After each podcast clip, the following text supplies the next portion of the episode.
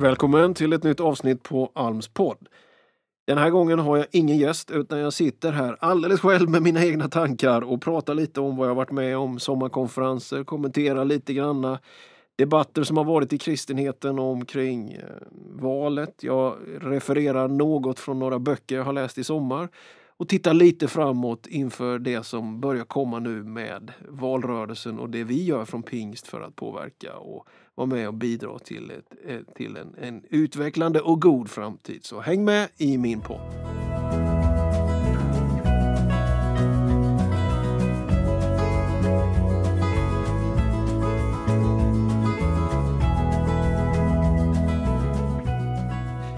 Alltså jag får ju säga att jag har haft en, en väldigt fin sommar och det har ju varit mycket av ändå ledighet också trots att sommaren för min del också är rätt så intensiv med mycket sommarkonferenser.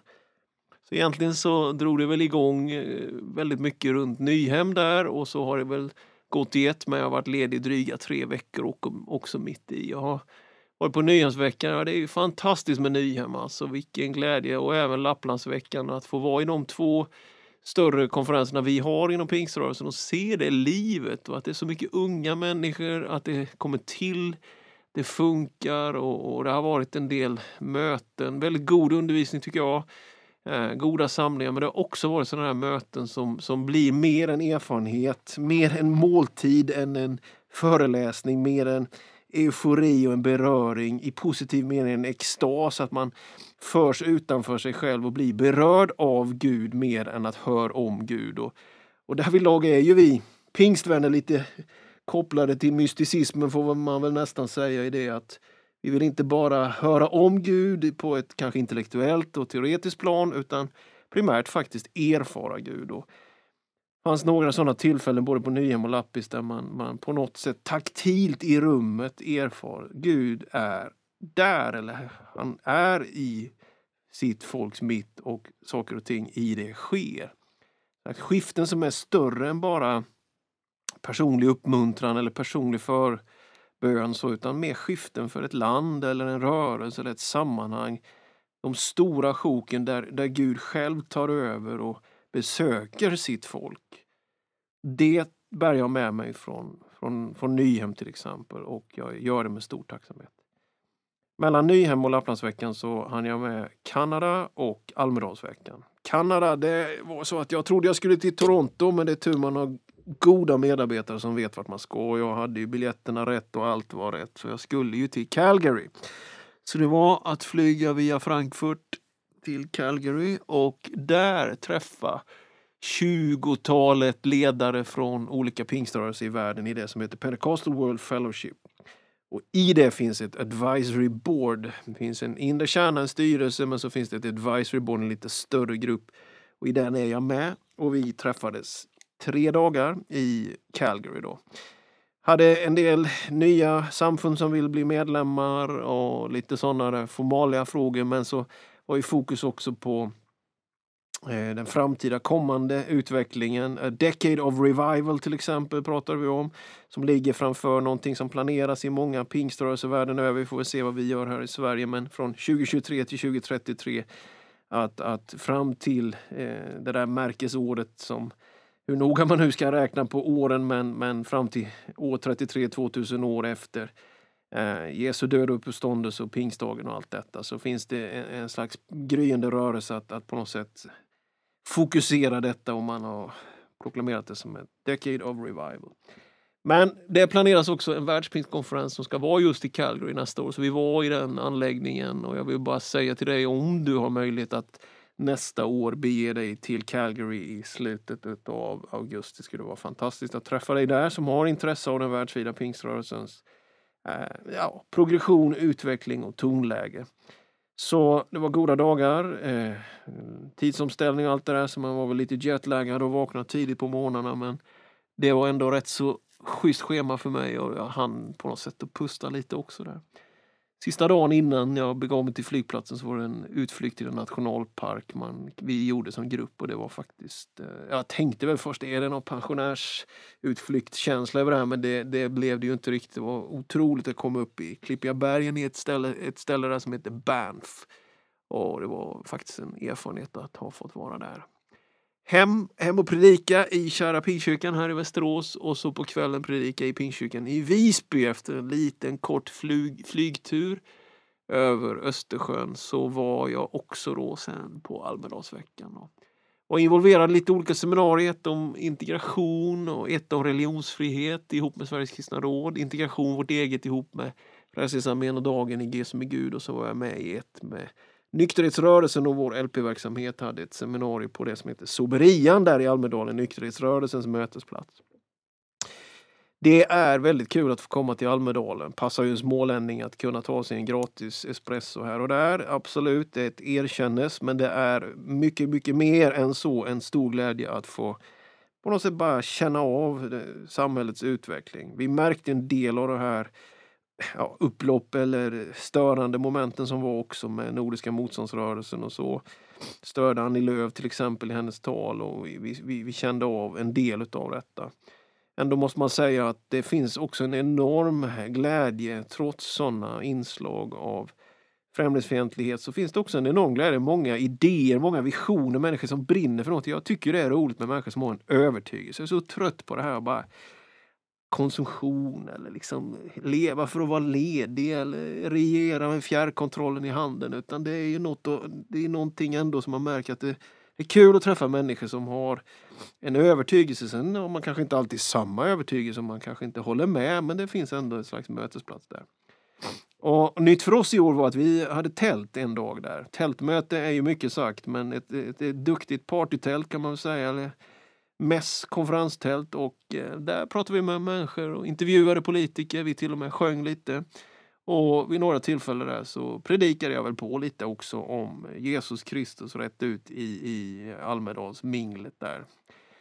Så goda dagar och så då upp till Lapplandsveckan. Det är, det, det är schysst att komma till Lapplandsveckan. Att, att få vara där. Det var full fart med pastorsamlingar, var med på ungdomsmöte, predikade på kvällsmöte, hade bibelstudier och seminarium.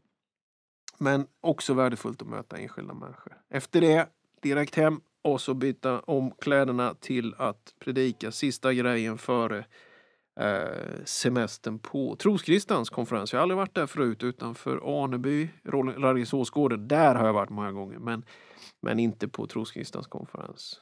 Predikar hos Kurt Johansson, Göran Duveskog, Gert-Ove Li och de som driver den missionen. Det var roligt att se eh, och vara med på det. det var också ett ja, men vackert möte. Sen så blev det ledigt och en massa läsande och lite badande i pool och så småningom lite dyk ifrån klipporna ner i Kungshamn också och sen blev det LP-verksamhet och Gullbrannagården och få predika för deras LP-sommarläger och så har jag varit i Bottnaryd den helgen som gick nu i Bottnaryd på deras konferens som tillhör Svenska Alliansmissionen. Så det är kul att få komma lite utanför pingstvärlden också. Ska ju förresten till Alunda också, det är ju Furuhöjdskyrkan, det är väl Ekumenia och kanske fler samfund där ja, i den församlingen som har den konferensen. Så det är ju kul för en pingsträv som mig att få vara i lite andra miljöer och sammanhang. Också. För mig är ju sommaren också en chans att få läsa. Jag har läst, ja, jag inte vet jag om det är mycket eller lite, men jag har väl läst en fem, sex böcker. Försöker att läsa lite kanske skönlitteratur och lite åt poesihållet och, och också lite granna av teologi. Då, så att jag har plöjt mig igenom en kommentar om Uppenbarelseboken jag har läst som heter Revelation av John Christopher Thomas och Frank Macchia. En slags pingstteologisk bok kan man säga. Jag har läst eh, gammal klassiker av biskop Bo Giertz, Tron alena.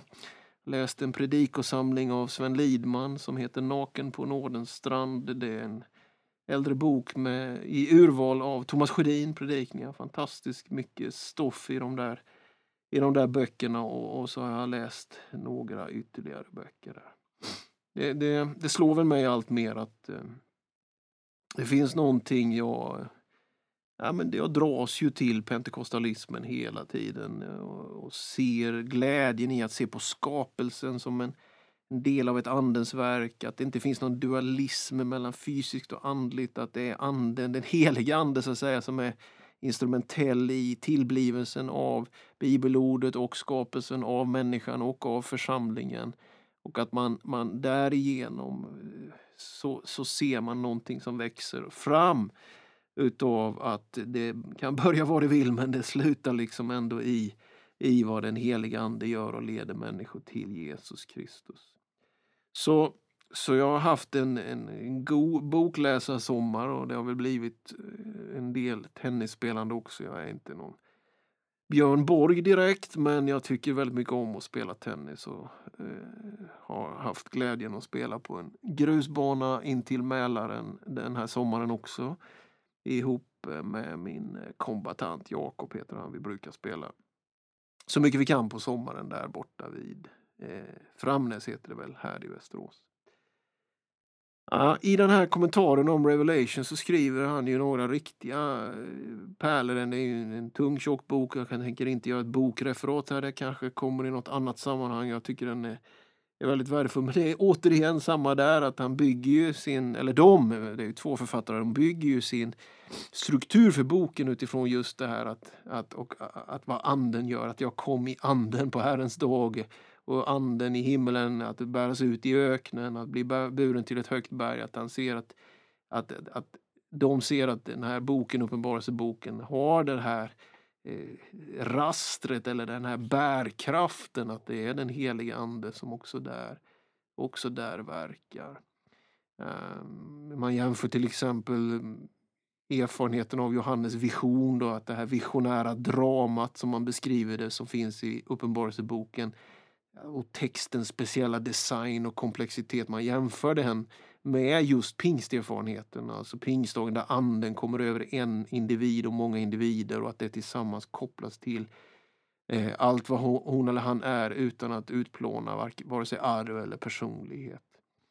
Um, och, och man lyfter fram också ett citat som jag har lyft fram tidigare, det är roligt när gamla Kon kommer fram, man citerar Stephen Land från Pentecostal Spirituality där han skriver om att ortodoxin måste integreras eller överlappas med ortopati och ortopraxi. Alltså den rätta läran räcker inte utan det finns också heliga eller riktiga känslor och en helig eller riktig praktik.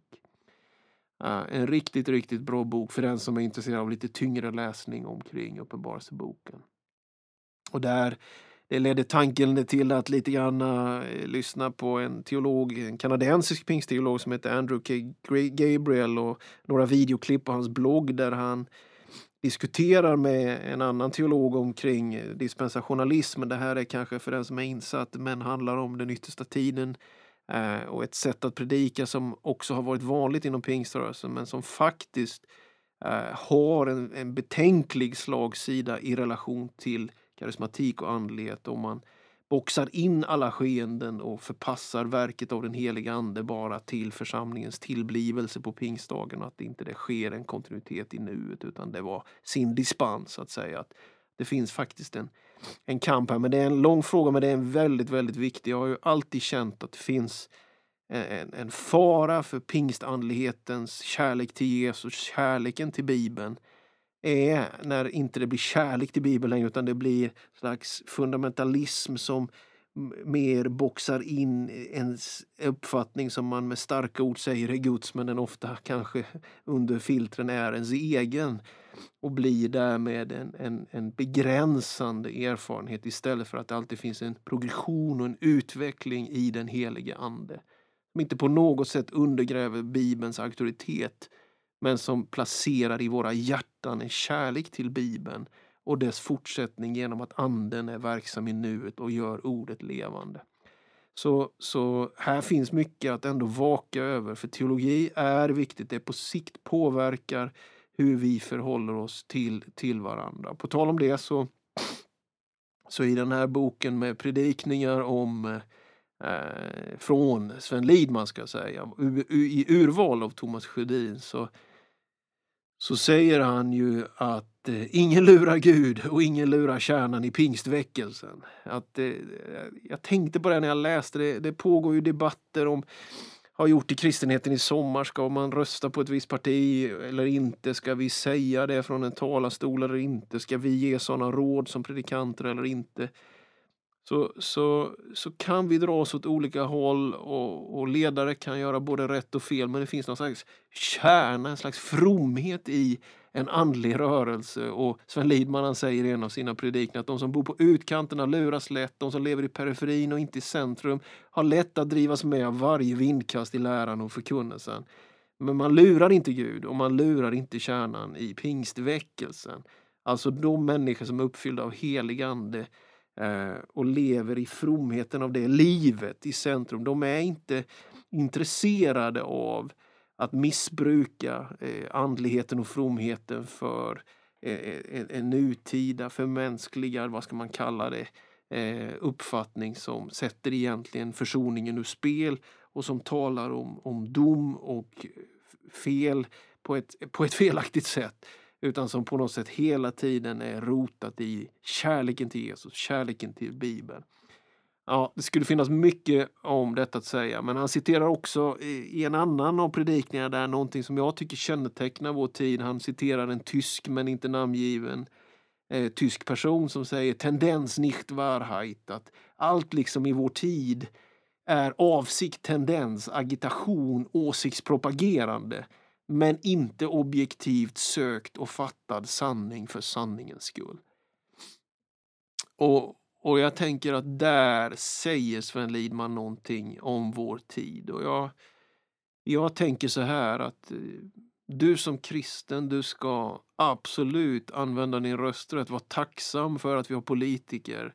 Inte dela på sociala medier en massa dynga som raljerar och ironiserar över våra folkvalda oavsett om du håller med dem eller inte. Vi ska vara tacksamma att vi har politiker som tjänar demokratins sak. Du som kristen ska använda din rösträtt tycker jag.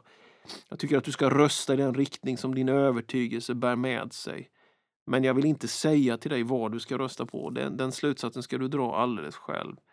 Däremot så vill jag säga många saker till politikerna och det är det som är grunden för att vi engagerar oss som rörelse i det vi kallar pingst på de utsatta sida. Det är alltid kyrkans uppgift.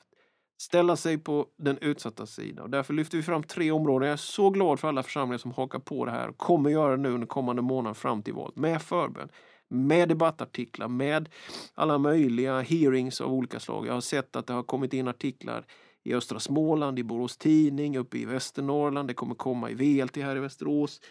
Eh, och så vidare och så vidare. Och, och, och, och, och det finns ett engagemang där vi säger det är viktigt med existentiell hälsa. Människan får inte väl i att pressas till individualism, att pressas till att ta alla beslut själv och leva i, i, i isolering, utan vi behöver ett vidare, ett djupare samtal. Det andra vi lyfter är ju glädjen med integration, att det finns möjligheter i det som händer och sker. Det behöver inte alls vara naivt att tro att det är någonting positivt med nya bekantskaper och nya människor. Utan att det kan istället hjälpa en att hantera de utmaningar som såklart måste hanteras. Vi lyfter integrationsglädje, vi lyfter existentiell hälsa och vi lyfter att världen utanför Sverige är viktig i det här valet. Och det jag tycker det är sorgligt att så få av de svenska politikerna är på det sättet globalister, internationalister, har ett större perspektiv än att följa opinionen och vad den svenska liksom, opinionen just nu vill. Ja, vi kan inte se det som att vi är avgränsade här och att det finns en stor, stor skillnad mellan oss och hela världen. Vi lever på samma planet. Vi tillhör alla den mänskliga rasen. Det finns inte olika raser. Vi är en mänsklighet.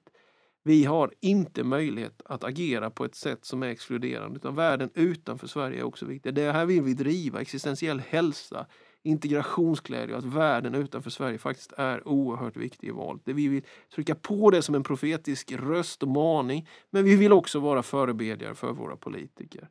Så vi säger till dig som kristen, be, påverka dina politiker. Vi säger inte till dig exakt hur du ska göra på valdagen, behåll du valhemligheten men var en engagerad människa för de utsatta skull. Pingst vill stå på de utsatta sidor. Vi tänker kämpa för det den här månaden och dagarna som kommer därefter såklart. Men med ett lite extra fokus, en emfas under tiden fram till, till valdagen. Jag predikade i Bottnaryd ett av mötena från Apostlagärningarna 16 omkring eh, när evangeliet först kommer till europeisk mark och där Paulus han eh, är i, eh, i, i, eh, i Filippi fängelse. Undret sker under deras lovsång vid midnatt. Paulus och Silas. Bojor faller av. Allting skakar och det här sker och fångvaktaren är övertygad om att alla har, har, har smitit därifrån och ska just till att ta sitt eget liv eftersom han inser att det ändå är förbrukat när han har så då misskött och misslyckats med sitt uppdrag att vara fångvaktare. Lite hårdare tag i romarrikets dagar. Där säger Paulus en sak till honom som jag bara tänkt och känt som en slags signal vi behöver sända som kyrka till omgivningen. Paulus säger och ropar ut här till fångvaktaren. Gör dig inget illa. Vi är alla här tillsammans. Paulus och Silas hade inte dragit, faktiskt inte de andra fångarna heller som inte hade sjungit lovsånger och bett utan suttit och lyssnat på. Men ingen av dem drog. Man vill inte dra från Guds närvaro nämligen, man vill vara där. De valde att stanna kvar och så sänder de signalen, gör det inget ont. Och vi, jag tror vi behöver bara sända den signalen till 10 miljoner svenskar och många, många fler att gör det inget illa. Så många destruktiva tankar, så mycket psykisk ohälsa, så mycket självdestruktivitet. Och kyrkan behöver bara på något sätt stå där. Vi är här, vi är alla här, vi är här tillsammans. Och, och aposteln Paulus är ju någon slags nyckel i skeendet där natten i Filippi. Och varför lyckas han liksom på något sätt behålla det här lugnet? Ja, men han är ju fri långt innan bojorna trillar av honom. Han är fri på grund av nåden, på grund av evangeliets kraft in i hans liv. Så är han inte beroende av de yttre bojorna eller friheten utan han har en annan slags frihet som leder till många människors frihet. Gör dig inget illa, vi är alla här. Ja, nåväl, kanske landar den här podden med de tankarna. Lite från sommaren, lite från min sommarläsning, några tankar inför valrörelsen. Tack för uppmärksamheten.